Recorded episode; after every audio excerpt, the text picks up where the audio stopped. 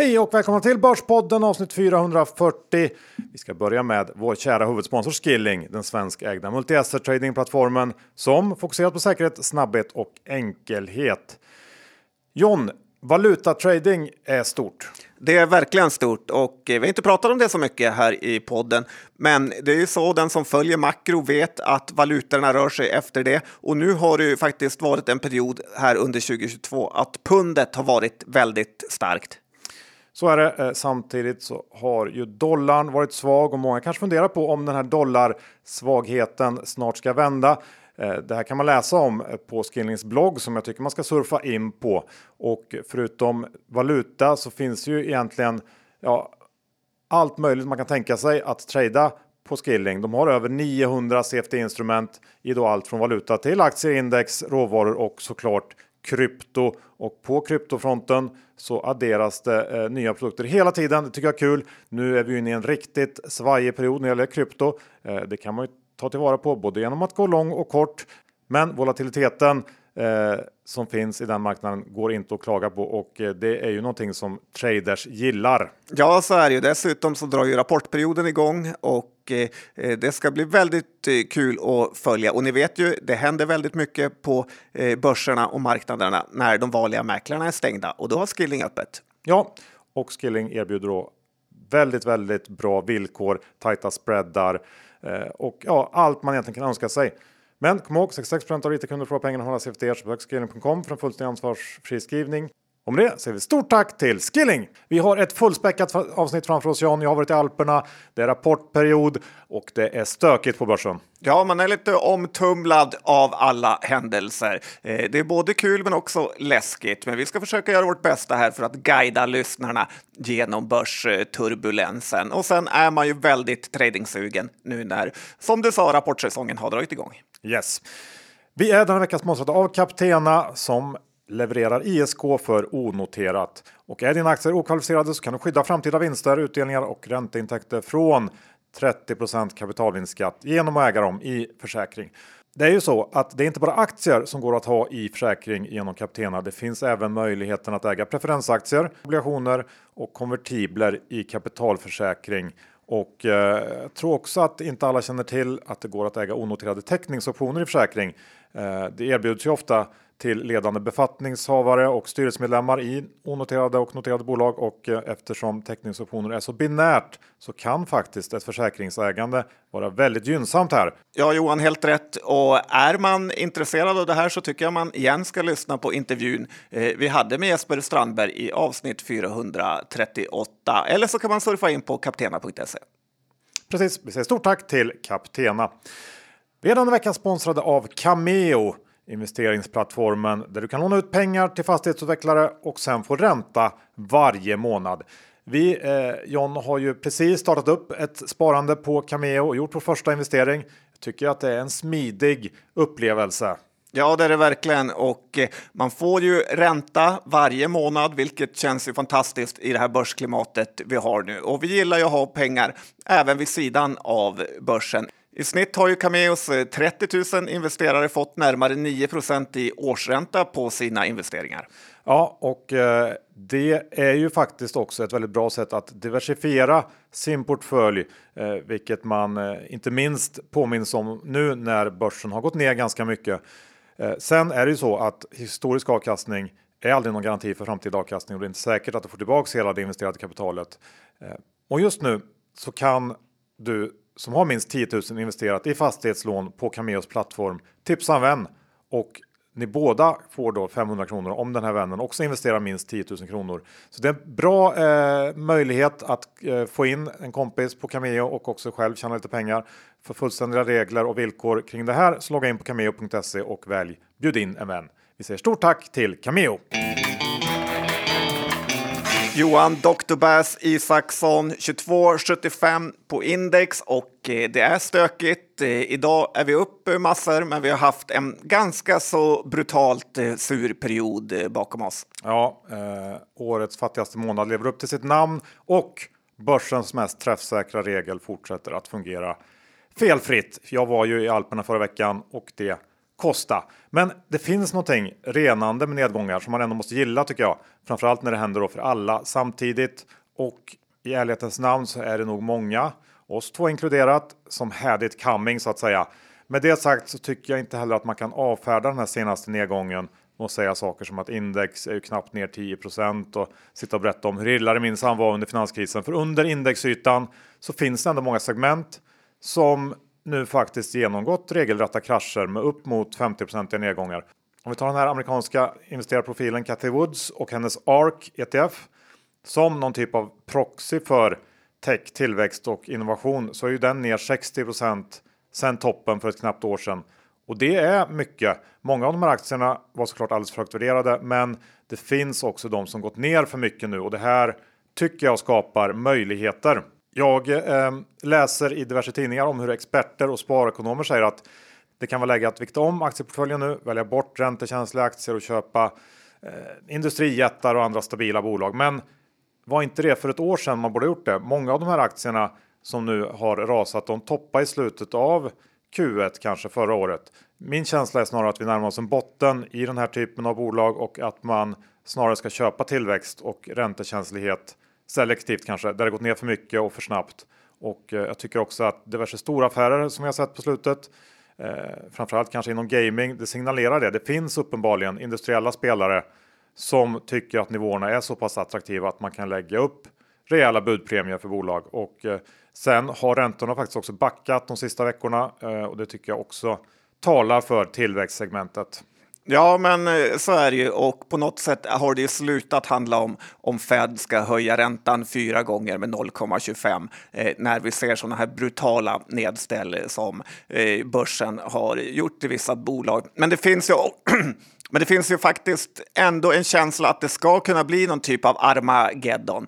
En ränta som skenar, eh, en inflation som gör att företagen inte hinner med att höja priserna eh, och att efterfrågan då eh, minskar. Och vi har ju haft några extremt goda år bakom oss så att börsen gillar ju att få panik och det har den lite grann fått nu.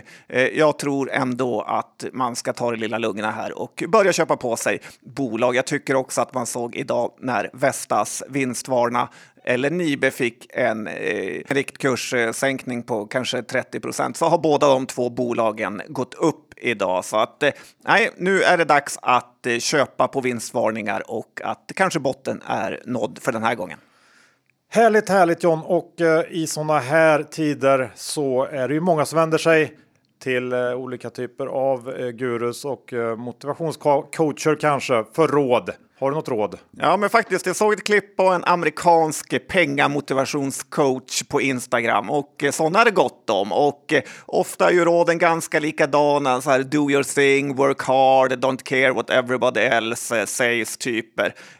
alltså rätt långt ifrån våra svenska motivationscoacher, typ Thomas Fogdö som åker runt och berättar hur tacksam man ska vara för allting. Eh, men den här killen, han sa att hans största misstag i livet var att han hade lyssnat alldeles för mycket på vad miljonärer hade att eh, säga. Dollarmiljonärer såklart. Utan gissa vad han hade börjat med Johan? Jag vet inte, prata med hemlösa kanske? Nej, allt hade förändrats när han istället började lyssna på miljardärer. alltså, för miljardärerna har ett helt annat eh, tankesätt än miljonärerna eh, har. För en miljardär, han tänker att det handlar mycket mer om tid eh, än det handlar om pengar. Och lite kände jag då att man kanske inte behöver kämpa sig hela vägen till att bli en dollarmiljardär för att inse den lärdomen, utan den kan man faktiskt ta med sig gratis. Du var inne på det här för någon vecka sedan, att man skulle faktiskt använda sina pengar till att köpa tid i till exempel städhjälp och så vidare. Så att du har ju uppenbarligen redan en miljardärs eh, tankesätt. Och även om man inte kan flyga privatjet för att spara tid så finns det faktiskt mycket annat man kan göra. Så är det. Eh, sen så tycker jag ju kanske att man ska skippa och lyssna på de här överhuvudtaget. Lex min upplevelse med Micke Södermalm. Eh, men, det är lite eh, trauma för dig. Ja, i och för sig så kom det något gott ut det också. Eh, även om det kanske inte var på det sättet som Micke tänkte sig. Men ändå. Eh, du, eh, rekar höjs till höger och vänster. Ja, det gör det. Det kommer många såna nyheter på morgonen att eh, Nordea eller Carnegie höjer det och det bolaget till köp. Eh, men man ska då komma ihåg att det här inte beror det minsta på att det går bättre för bolagen, eh, utan för att analyshusen ofta har regler att eh, är det till exempel 20 procent upp till riktkursen så blir det ett köp automatiskt och att då de här mesta eh, förändrade rekarna beror på att aktierna gått ned och inte på någon ny analys. Sen när analytikerna kommer att uppdatera sina analyser efter rapporterna så är det mycket möjligt att det kommer komma reksänkningar istället. Eh, så se upp med de här förändrade rekarna utan att någon ny information eh, har kommit förutom att aktien har gått ned. På andra sidan myntet så är det också vanligt att analytikerna analytiker följer börsen för att inte verka som idioter när man ligger alldeles för snett. Och det såg vi idag, till exempel hur SEB eh, sänkte Nibe från 130 till 90 eh, och det känns ju mest som en efterhandskonstruktion. Ja, verkligen. Äh, men det är bra poänger. Eh, jag tänkte gå tillbaks till min lilla alpresa. Eh, jag var ju där förra veckan och jag måste säga att jag har ändå rest en hel del under pandemin. Eh, ligger nog topp i... Superspridare som du är? Ja, det är jag inte, men eh, jag har ändå lyckats resa en del. Du gillar att spotta på pinnar och få saker nedkörda i halsen? Ja, eh, ja men det är faktiskt häpnadsväckande vad eh, jobbigt och krångligt det är att resa i Österrike och Tyskland. Det är länder som jag eh, faktiskt inte hade besökt under pandemin fram tills nu. Eh, de restriktioner och krav på tester och vaktionsbevis eh, och eh, olika typer av pre-travel registreringar som krävs kan suga reslusten även ur en vagabond som mig John. Ehm, och vi ska vara extremt glada över att ha bott i Sverige under pandemin och till exempel sluppit det här otroligt irriterande munskyddskravet som ju man då har både överallt i Österrike, i liftar, på restauranger och var man än befinner sig. Eh, men nu är det ju eh, så att det är dags för alla länder att tagga ner helt enkelt. Alla restriktioner måste bort nu. Igår gick Danmark ut och meddelade att man slopar samtliga coronarestriktioner från den 31 januari och att eh, covid också ska strykas från den här listan över samhällsfarliga sjukdomar. Och i England har man gått åt samma håll. Det här tror jag också kommer att vara startskottet för den riktiga comebacken för till exempel resandet och samtidigt dödsstöten kanske för de pandemivinnare som tagit mest av hushållens resebudget. Här gissar jag på att hemmafixarna ligger illa till, men det finns säkert fler.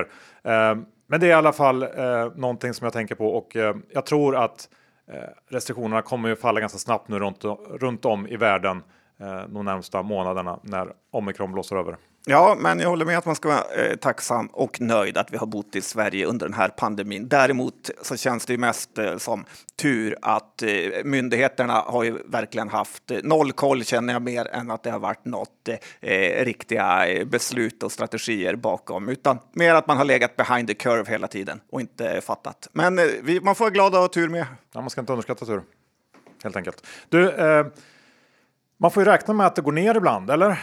Ja, så är det verkligen. Och eh, det pratar ju alla om som håller på med börsen. Men jag tycker man ska lägga till här att man får faktiskt räkna med att under vissa perioder kommer man förlora pengar, mycket pengar också. Eh, och, men det är ju faktiskt så att långsiktigt så är det upp och nedgångar som skapar de här lägena som man egentligen ska vara glad för, även om det inte känns så när man ligger rejält snett i någon av sina trades. Eh, men så är det faktiskt. Så här kommer ett litet tips, eller några tips på hur man ska hantera det här. Eh, det är tips då från en rutinerad trader, eh, får jag väl ändå säga, som jag såklart ändå inte helt följer. Eh, men jag följer... Vem är det du har pratat med? men ändå följer dem så pass noga att man inte måste ringa Aftonbladet och säga att allt är börsens fel. Kanske var för att de inte svarar Johan. Nej, men så här, eh, ska vi dra igenom tre tips här som man ändå kan ha med sig? Hemskt gärna. Och första tipset här, försök vänta ut till att volatiliteten lagt sig lite. Visst, du kommer missa botten, men du kommer också slippa eh, fånga fallande knivar och ligga 20% snett på en vecka. Det går fort nedåt, men alltid långsammare uppåt, så man har faktiskt råd att missa lite uppsida mot att man slipper extremt mycket nedsida. Kommentar? Ja, men det är ett bra, väldigt, väldigt bra tips och väldigt svårt också att följa. Eh, men man, varje gång så slås man ju över hur eh, det verkligen stämmer det där att man tror att man måste in. Men man kan ju faktiskt bara sitta och ta det lugnt och vänta in att det lugnar ner sig lite grann. Det är ju ett, ett eh, fruktansvärt bra tips. Ja. Råd 2. Köp stora bolag. Det är de som studsar tillbaka först. Bolag på de mindre listorna eh, kan vara bortglömda väldigt länge innan de får upp ögonen för dem. Och är man ute efter snabba studsar som det är i det här tradingklimatet eh, som man borde jaga så är det istället lätt om man köper småbolag att eh, bli sittande med ett gäng eh, surdegar som var, var tänkta som en snabb affär, men istället får de ligga kvar i långväskan. Ja, jag håller med där också. Och nummer tre, förköp det inte i ett enda bolag som du tycker är billigt eller gillar. Det är lätt att man väljer fel bolag, till exempel ett Saab eller ett Vestas eller Essity och inte alls får betalt om börsen vänder upp. Ja, också ett väldigt bra råd eh, när det gäller dippköp. kan man ju sprida. Tänk, lite portföljtänk där. Ja, du kanske ska lyssna på den här traden Johan. Ja, Han vill vara anonym. Kul att träffa honom någon gång. Verkar jätteduktig. Uh, bra, tipsen avklarade. Nu går vi över till oljepriset. Ja, en anledning till att det här oljepriset är så högt är ju att ESG-reglerna förstört eh, så mycket att det i princip helt slutat eh, letas efter olja för att ingen vill hjälpa till att finansiera det. Mainstream media har ju spett på det här genom att inte bara jaga och skylla allt på oljebolagen utan till och med jagat bankerna som varit med och lånat ut pengar till oljebolag. Och det här är en av förklaringarna till att vi har ett oljepris på nästan 90 dollar och eh, en stor del också till att elpriserna har spårat ur i hela Europa. Eh, de enda som trots det här haft resurserna och orken att fortsätta prospektera är ju lundinarna. Men nu har ju Sveriges premiumåklagare tänkt att sätta dit dem för något typ av folkmord i Sudan.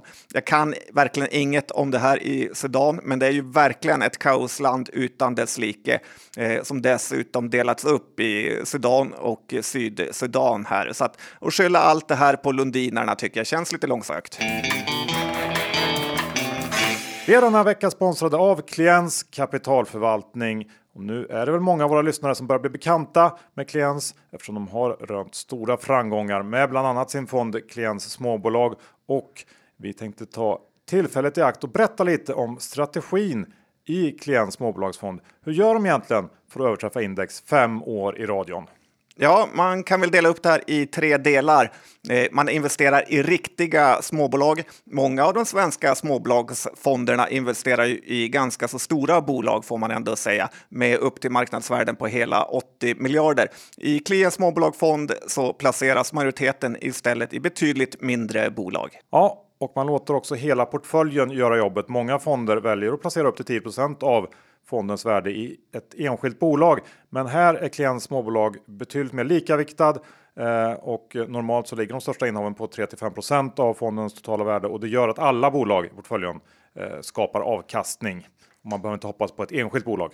Nej, så är det. Och den sista punkten som kanske vi tycker är viktigast är ju att man undviker förhoppningsbolag. Och det är minst lika viktigt att undvika rejäla miner som det är att hitta guldkornen. Bolagen som ingår i klients småbolag måste kunna uppvisa en stabil lönsamhet under flera år och ska dessutom ha en stark marknadsposition kombinerat med långsiktigt goda tillväxtmöjligheter. Ja, och vill man veta mer om klients småbolag då är det bara att gå in på småbolag.kliens.se eller prenumerera på Kliens nyhetsbrev på kliens.se. Men kom ihåg, historisk avkastning är en garanti för framtida avkastning. Pengar som placeras i fonder kan både öka och minska i värde och det är inte säkert att få tillbaka hela det insatta kapitalet. Vi säger stort tack till Kliens kapitalförvaltning. Vi är denna vecka sponsrade av Indoor Golf Group som John satsar på att göra inomhusgolf tillgängligt för alla året runt och det här eh, gillar jag. Ja, du har just sagt att du är en vagabond och du har ju åkt runt och spelat golf på diverse golfbanor i Marbella och så vidare. Ja, och eh, nu ska jag faktiskt på en golfresa här under våren och min tanke är faktiskt att eh, träna upp mig eh, på Indorf Golf Group. De har eh, marknadens bästa golfsimulator på alla deras center, eh, alltså Trackman som är världsledande inom den här tekniken bakom inomhusgolf och eh, det läggs till nya banor varje månad. Eh, förutom St. Andrews och Pebble Beach som är klassiker finns nu även tre svenska banor. Sista eh, tillskottet här är Barsebäck som ju är en av Sveriges mästerskapsbanor. Eh, och förutom att spela en runda golf så är Trackman faktiskt perfekt för att slipa på svingen i driving range funktion. Man får alla mätvärden som behövs. Den ger bland annat exakt slaglängd och det är skruv och svingspår med mera.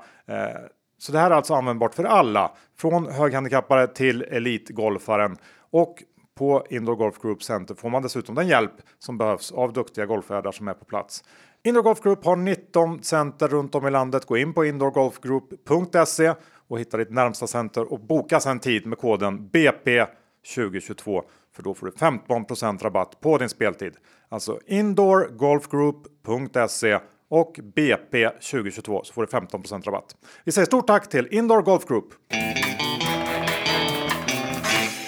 Rapportperioden är äntligen igång John och eh, det tycker nog många är skönt, inte bara du och jag. Jag tänker vi börjar med tungviktarna. Eh, igår kom ju Ericsson och Atlas Copco med sina Q4. Det är alltid intressant att ha koll lite på de största bolagen, hur de går. För det brukar ändå kunna sätta tonen lite grann för börsen i helhet. Om vi börjar med Ericssons siffror för Q4 så slog de estimaten ganska rejält. Eh, på resultatnivå så kom man in drygt 20% bättre än väntat och de höjde lite prognoser och meddelade också att, att bolaget antagligen når sitt långsiktiga marginalmål lite tidigare än 2025 som man tidigare siktat på. Eh, jag tycker också att det var starkt att de lyckades kompensera för det här tappet i Kina. Där tappar man ganska mycket volymer efter det här eh, politiska bråket. Eh, och på helåret då, om man tittar på det, så levererar Ericsson lite drygt 32 miljarder i ebit-resultat. Man sitter på nästan 66 miljarder i nettokassa och värderas till en bra bit faktiskt under EV, ebit 10. Det är inte särskilt dyrt och Ericsson har eh, blivit ett bättre bolag tycker jag man kan säga under Börjes ledning. Eh, och eh, det går nog att argumentera för att det här, den här aktien förtjänar en lite högre värdering tycker jag. Ja, kanske var rätt att Börje Ekholm blev årets ledare på den här Affärsvärlden-galan. Det, det jag måste säga till, med Ericssons rapport är ju att det är kul att se att patentintäkterna är så bra för Ericsson och borde ju värderas väldigt högt med tanke på att det är nästan 100 i marginal på det. Så att eh, ja, man gillar Ericsson mer och mer och Gardell har nog något som har en stor posse här. Ja, eh, sen har vi lite. Jag tänkte ta två verkstadsbolag, Atlas och Sandvik. Eh, Atlas kom igår såg först ut att bli en sån här klassisk darr på ribban eh, Atlas-rapport, men till slut så tappade aktien ändå. Eh, var ner 5% tror jag och eh, jag tycker ändå att det var rättvist. Den var eh, svag. Det är kanske hårt att säga så, men jag tycker att den var svag på ganska många punkter. Eh, men stark orderingång kryddat med en ganska okej okay outlook och extra utdelning var väl det som, som var positivt. I min bok så är värderingen av Atlas för hög. Eh, trots att den har tappat kanske ja, i alla fall knappt 20% i år. Men om vi fokuserar på rapporten så tycker jag inte att den borde oroa eh, för börsen i stort. Orderingång och utsikter indikerar fortsatt goda tider och eh, det är väl främst det jag tar med mig från Atlas Q4 som ändå var ganska odramatisk. Ja, nej, det är ju inte mycket att säga emot eh, där. Och Sandvik som kom förra veckan. Eh, Sandvik var först ut bland våra verkstadsjättar. Bättre tycker jag än Atlas men med samma tendenser där orderingången var det som stack ut mest på den positiva sidan. Eh, här var resultatet in line. Eh, och det mest intressanta här för oss som ändå inte äger Sandvik var nog eh, kommentarerna om utvecklingen här under december och början av året. Eh, december blev den bästa månaden och januari har börjat lika starkt sa man. Eh, så jag tycker att Sandvik är ett, ett eh, mer intressant val än Atlas på de här nivåerna. Eh, man har också den här avknoppningen av SMT att se fram emot lite senare i år. Eh, men tycker att det ingenting att oroa sig för i verkstadsrapporterna så här långt eh, ändå. Nej, men för att säga något om Sandvik så är det att de har köpt väldigt många mjukvarubolag och kanske kan bli eller gå mot att bli ett nytt Hexagon eh, nästan. Så att eh, jag gillar Sandvik och jag har faktiskt köpt en liten, liten bevakningsposition här. Oj då. Gruvexpert som man är numera. Ja. Ja. Fråga den här tradern, du har så många råd och fråga. Du, eh, eh, jag tänker vi ska ta en av dagens rapporter. Ja. På morgonen trillade Esset in. Lite det... yr yrvaket. Ja, Magnus Groth, eller Magnus Jordfräs som han kallas internt. Det vet jag inte om han gör riktigt, men det borde han göra. Eh, han fortsätter sitt streak här och underleverera. Eh, ska man vara ärlig nu så är det ju faktiskt nästan tjänstefel att de inte vinstvarnar för en så här dålig rapport. Essity säger att de ska höja priserna, men det borde man ju redan gjort och låter nästan som en sån här bortförklaring man tar till nu för att man har noll koll. Eh, Essity missar allt som en halv miljard på resultatet och eh, det tycker jag att den käre Mange Borde insett tidigare än samma dag som man släppte rapporten. Och jag tycker att det är lite svårt att ta in hur ett sånt här fint bolag eh, kan gå så dåligt eh, under en så ganska lång period. Man är på samma kurs nu som man var på 2019 här. Eh, jag tycker att Fredrik Lundberg får göra slag i saken här och faktiskt kicka Mange, även om det såklart skulle ge mig lite cred som jag vet att han inte vill. Det här Nej, men det är lite som att S1 är ett lag eh, som har en coach vart, eh, vars lag då har missat slutspelet alla år. Det är faktiskt dags att eh, prova något nytt. Ja, kanske var det fel att splitta upp SCA och S1. Ja, eh, SCA har ju gått väldigt bra så att. Eh... Men jag menar, nu har man ju problem med precis det man hade när man satt ihop med SCA. Ja. Råvaror och sånt där. Men, men det blir väl uh, ungefär uh, even Steven till slut. Potato, potato. Ja. Du, eh, Nibe tänkte jag vi kan ta och snacka lite om, för det är ju en av årets stora förlorare. Ja, jag tycker det känns som ett intressant bett nu faktiskt. Aktien har ju tagit kopiöst med stryk sista tiden och man kan ju nästan tycka att den borde gynnats egentligen av det här väldigt höga elpriset vi haft och kombinerat med miljötrenden. Nibe hade ju för sig ett fantastiskt slut på 2021 i aktiekursmässigt så att den här kraschen är ju lite mindre än den kanske ser ut att eh, vara. Nibe har ju sista tiden fått vara någon typ av posterboy för det faktum som verkar vara etablerat att de kommer drabbas stenhårt av komponentbristen och transportförseningar. Eh, kanske lite likt eh, Vestas här. Eh, jag vet inte om det är sant eller om det inte är sant, men grejen är att om nu bolaget eh, kommer tvingas vinstvarna eller kommer med en svag rapport så tror jag ändå att eh, det är då man ska köpa aktien för att marknaden har nu tagit ut väldigt mycket svaghet i förskott och eh, den här klassikern att bra bolag alltid kommer tillbaka brukar stämma. Visst, Nibe är högt värderat, men aktien har gått från 130 till 85 här och är ju Eh, ett av Stockholmsbörsens bästa bolag. Så jag tycker det är värt en chansning för långportföljen. Och eh, man skulle då kunna tänka sig att dubbla upp vid en eventuell vinstvarning eller svag rapport. Nu är aktien endast upp 13-14 procent här på de senaste 12 månaderna och det tycker jag faktiskt känns lite för lite med, att, eh, med tanke på att allt långsiktigt ändå har gått deras väg. Ja, visst, du har poänger. Även om man fortfarande kan bli lite höjdrädd för värderingen. Trots det här eh, stora fallet så är det ju mastigt, men visst, um, det kanske ska vara. Du, MTG meddelade igår att man lyckats sälja sin usla, usla e-sportaffär för hisnande 8,9 miljarder eh, netto efter alla avdrag och kostnader så får aktieägarna 8,1 miljarder för den här verksamheten som egentligen aldrig gjort någon glad. Och för att sätta de här siffrorna lite i perspektiv så eh, värderas hela, eh, eller innan affären så värderades hela MTG till 10 miljarder Eh, och det här är helt enkelt en fantastisk affär av MTG. Eh, jag såg att eh, Carnegies analytiker hade värderat e-sporten till 34 kronor per aktie i sin SOTP-analys och den här dealen innebär då att man får nästan 70 kronor per aktie. Men jag tror inte att marknaden sätter i närheten av några 34 kronor per aktie i värde på den här delen. Ehm, hur som helst, 40% av pengarna man får in, de ska delas ut. Men Även efter det så kommer bolaget sitta på en rejäl nettokassa som då ska användas för att växa den här kvarvarande gamingdelen eh, och MTG blir nu ett tydligare och mer fokuserat bolag. Om man tittar på värderingen så är den eh, faktiskt betydligt lägre än jämförbara bolag. Men eh, med den lilla kicken att det finns massor av kapital att använda till förvärv och det kommer ju då antagligen att sänka multipeln ytterligare.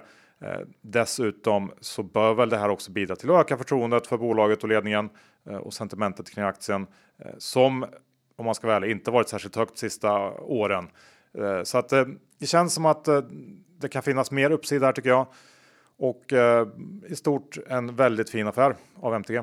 Ja, verkligen. Det här var en positiv överraskning och börsen var lite snål med att ta ut eh, hela segern här igår tycker jag. Jag har köpt lite aktier. Jag tror att MTG kan värderas upp när eh, man, eh, börsen lugnar ner sig lite och att man inser hur fantastiskt bra det här var. Och dessutom så ger det ju cred till MTGs övriga business som man ändå borde kunna värdera upp lite när man ser hur bra de är på att leverera aktieägarvärde. Ja. HMS eh, in med sin rapport i morse.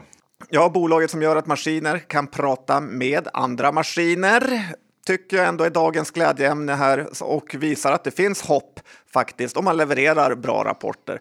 Aktien är upp kring 10 procent eh, på sin Q4 och då ska man komma ihåg att HMS är ett bolag som är ju riktigt högt värderat eh, sedan tidigare. Och det ger hopp om att allt kan bli som vanligt igen och att det vi ser nu faktiskt bara är en klassisk eh, börsrekyl. Bra, då vet vi det. Hur är det då med Dustin? Ja, men Dustin tycker jag ändå att man kan nämna här som ett bolag som skulle vara intressant att eh, kunna köpa med, för det här är ju verkligen kvalitet som det blivit rea på nu. Dustin rapporterade ju tidigare än alla andra för att de har ett Eh, brutet räkenskapsår och eh, fick då efter den rapporten höjda riktkurser överallt. Eh, här tycker jag caset inte har förändrats någonting utan snarare att man kan tacka och ta emot för att man får köpa eh, det här kvalitetsbolaget för ungefär 90 kronor nu samtidigt som det kostade närmare 110 efter rapporten här för bara någon månad sedan. Eh, visst, de kanske också drabbas av alla problem som alla andra bolag gör, men det finns också i kursen nu. Så att Dustin är ett eh, bolag jag håller koll på. Ja, bra. Jag tycker också att det är hyfsat spännande. Eh, jag tänker att vi går tillbaks till dagens rapportskörd. Byggmax kom ju med siffror eh, också nu på morgonen. Och du var inte missnöjd det när det inte, missade? Nej, de missade estimaten ganska rejält. trots att det här ändå får kategoriseras som någon slags pandemikvartal med restriktioner och annat eh, som ju tidigare har spelat hemmafixaren i händerna så börjar man ändå nu märka av då en avmattning i intresset hos konsumenterna. Like för like så sjunker försäljningen med 6% Det slår direkt på marginalen och eh, ebita eh, resultatet kom in på 25 miljoner eh, och då kan man ju jämföra med förra årets eh, 65 miljoner. Under 2022 så kommer ju dock det verkliga provet. Hur mycket försäljning kommer man att tappa och framförallt kanske hur kommer lönsamheten att påverkas? Jag tror ju att det finns fortsatt nedsida i estimaten här skulle vara försiktig med aktien eh, minst sagt.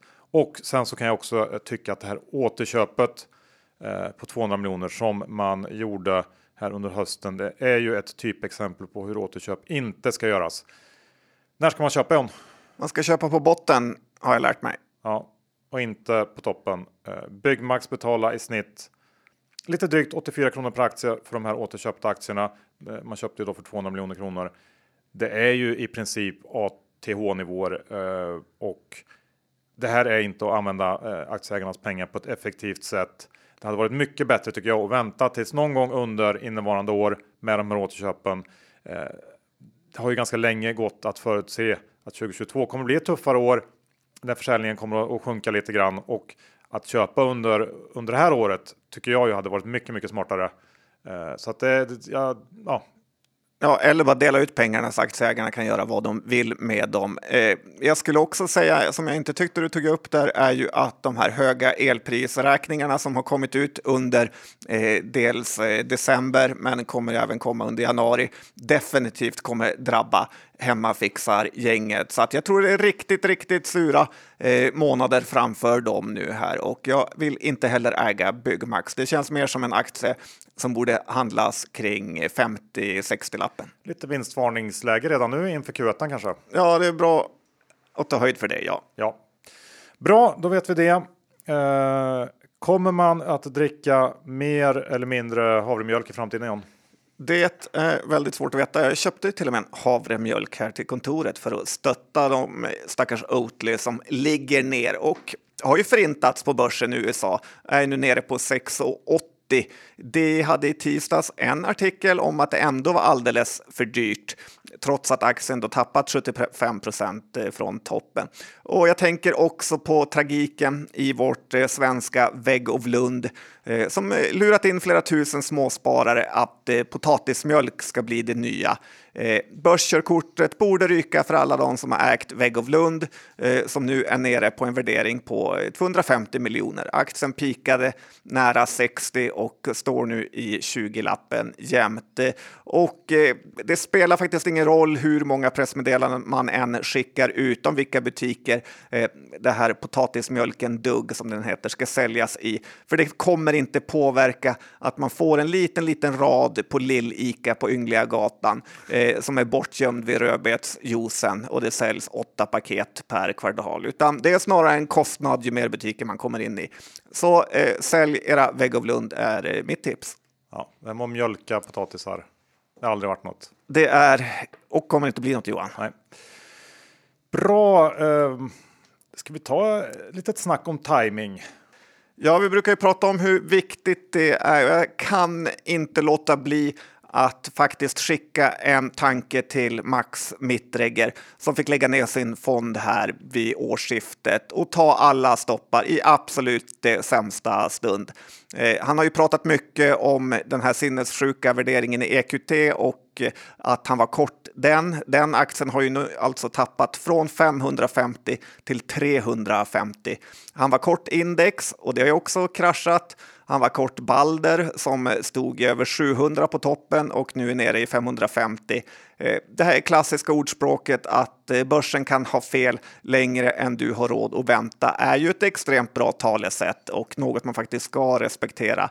Eh, med tanke då på att Max Mittregger ändå är rätt skicklig men lyckades trots det förinta portföljen.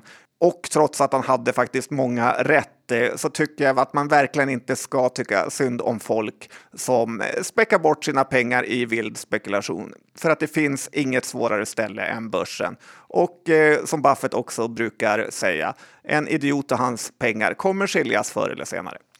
Det kommer de.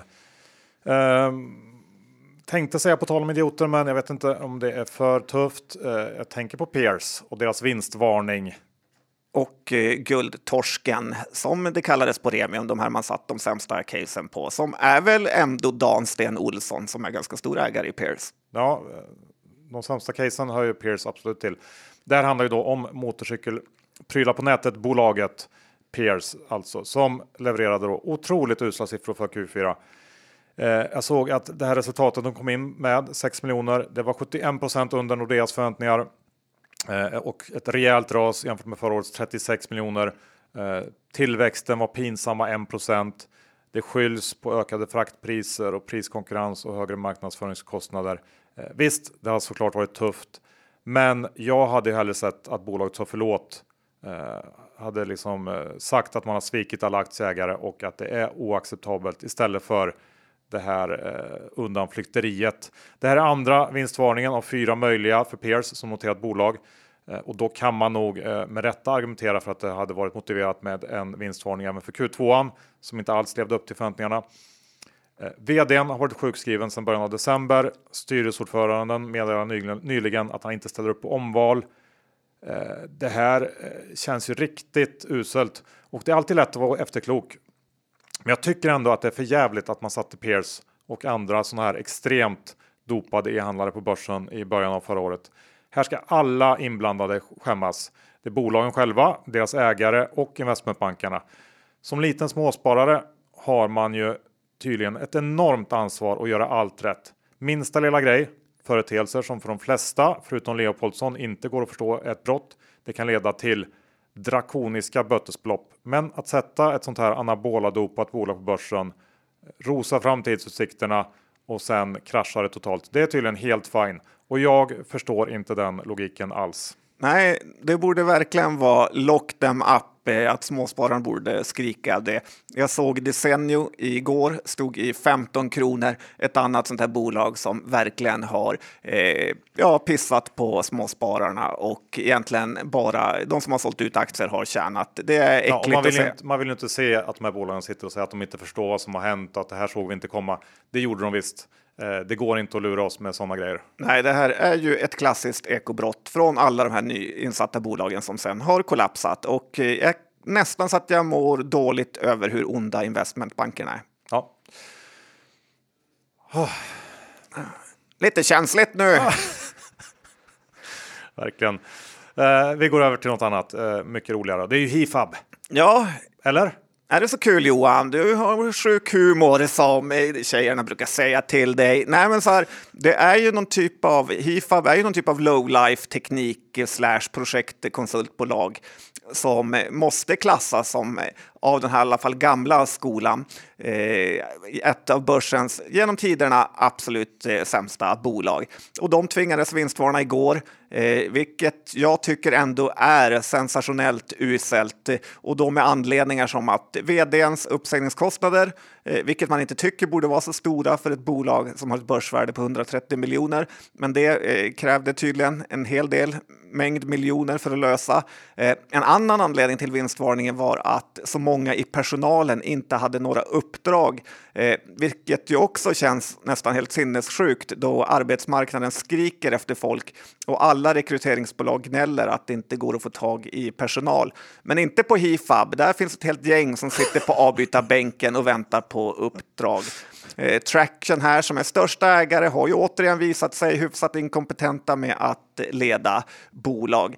Hifab var ju tidigare nästan det enda bolaget som fick betala tillbaka det här statliga stödet för att de inte kunde fylla i blanketterna rätt heller.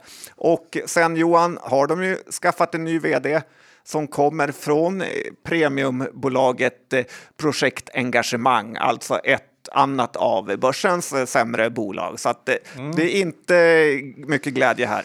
Nej, å andra sidan kan man ju vända på att jäkla vad förvånad alla skulle bli om de vände på den här skutan och det börjar gå bra som satan. Då finns det uppsida. Nej, det, ja absolut. Men nu är bolagsvärdet nere på 130 miljoner och eh, nu får, är det dags att Traction försöker steppa upp det. Nästan så att de borde köpa ut det bara för att eh, slippa skämmas. Mm, kanske. Uh, vi avslutar med, uh, lite oväntat kanske, Aerowash. Ja, här är annan liten signal på myndigheterna och börsen. För de brukar ju prata om hur viktigt det är med ett högt förtroende för finansmarknaderna. Och då undrar jag faktiskt varför ingen sätter stopp för Aerowash-härvan. Hur det är möjligt att den bara får fortgå år efter år. Det har nu varit bud på Aerowash i två år samtidigt som bolaget gjort nyemissioner och budet har försenats flera gånger och nu försenades budet ännu en gång. Eh, men då säger Aerowash att de har begärt mer pengar istället för att sätta lite plåster på såren och då ska få 22 miljoner dollar för det här bolaget. Och det känns ju inte helt rimligt på något eh, sätt egentligen att en flygplanstvätt kan vara värt mycket mer nu än tidigare Eh, men det kanske bara är jag. Aerowash har ett börsvärde på 94 miljoner. Det är inte många som tror på det här budet heller. Eh, men om nu övervakningsmyndigheterna och Spotlight ska ha något som helst eh, förtroende från allmänheten längre så måste de faktiskt kräva tydligare svar från Aerowash, för de klarar uppenbarligen inte det själva. Nej, det är ju faktiskt eh, totalt orimligt att det här får fortgå. Så att eh, ut och kolla i lådorna och portföljerna hos AirWatch vad som egentligen står i de här dokumenten nu. Faktiskt.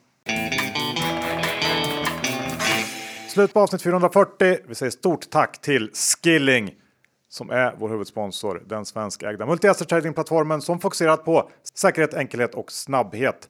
Och det behövs i dessa tider John, för det går snabbt och eh, man vill att det ska vara enkelt och säkert. Ja, kolla in spreadarna kan jag säga på deras hemsida. De är grymma. Ja. Har ni inte öppnat konto än så gör det enkelt. BankID behövs. Eh, det är det enda och eh, ja, de har svensk kundtjänst om man behöver hjälp med någonting. Men kom ihåg 66 av retailkunder förlorar pengarna sig efter besök skilling.com för en fullständig ansvarsfriskrivning. Uh, och John, hur är det med innehav idag? Ja, men nu har man ju lyckats köpa på sig en hel del. Jag har Sandvik, jag har Nibe, jag har... Vad har vi mer pratat om för bolag? Uh, ja, du hade väl lite blandat. Uh, HMS, Dustin? Nej. Nej. Hifab kanske du har en liten? Nej, inte där heller. Nej. har jag klarat mig undan. Ja. ja, men du hade inte riktigt lyssnat på den här killen som gav råd då? Nej, här har man förköpt sig lite. Ja, jag hade nog ingenting av det vi pratade om. Alls faktiskt. Ja, skönt för dig. Faktiskt. Uh, Bra! Eller vi har ju MTG båda. Nej, MTG har jag också såklart. Ja, det har inte jag. Jag sålde mina. Smart. Ja. Kanske köper tillbaka den, det får vi se. Jag ja. tyckte ju att den var ganska billig här. Så att, uh, vi får se. Men men, nu ska vi sluta tjafsa om det här och istället tacka för att ni lyssnade ännu en vecka. Vi hörs nästa onsdag igen som vanligt. Hej då! Det gör vi. Ha det bra!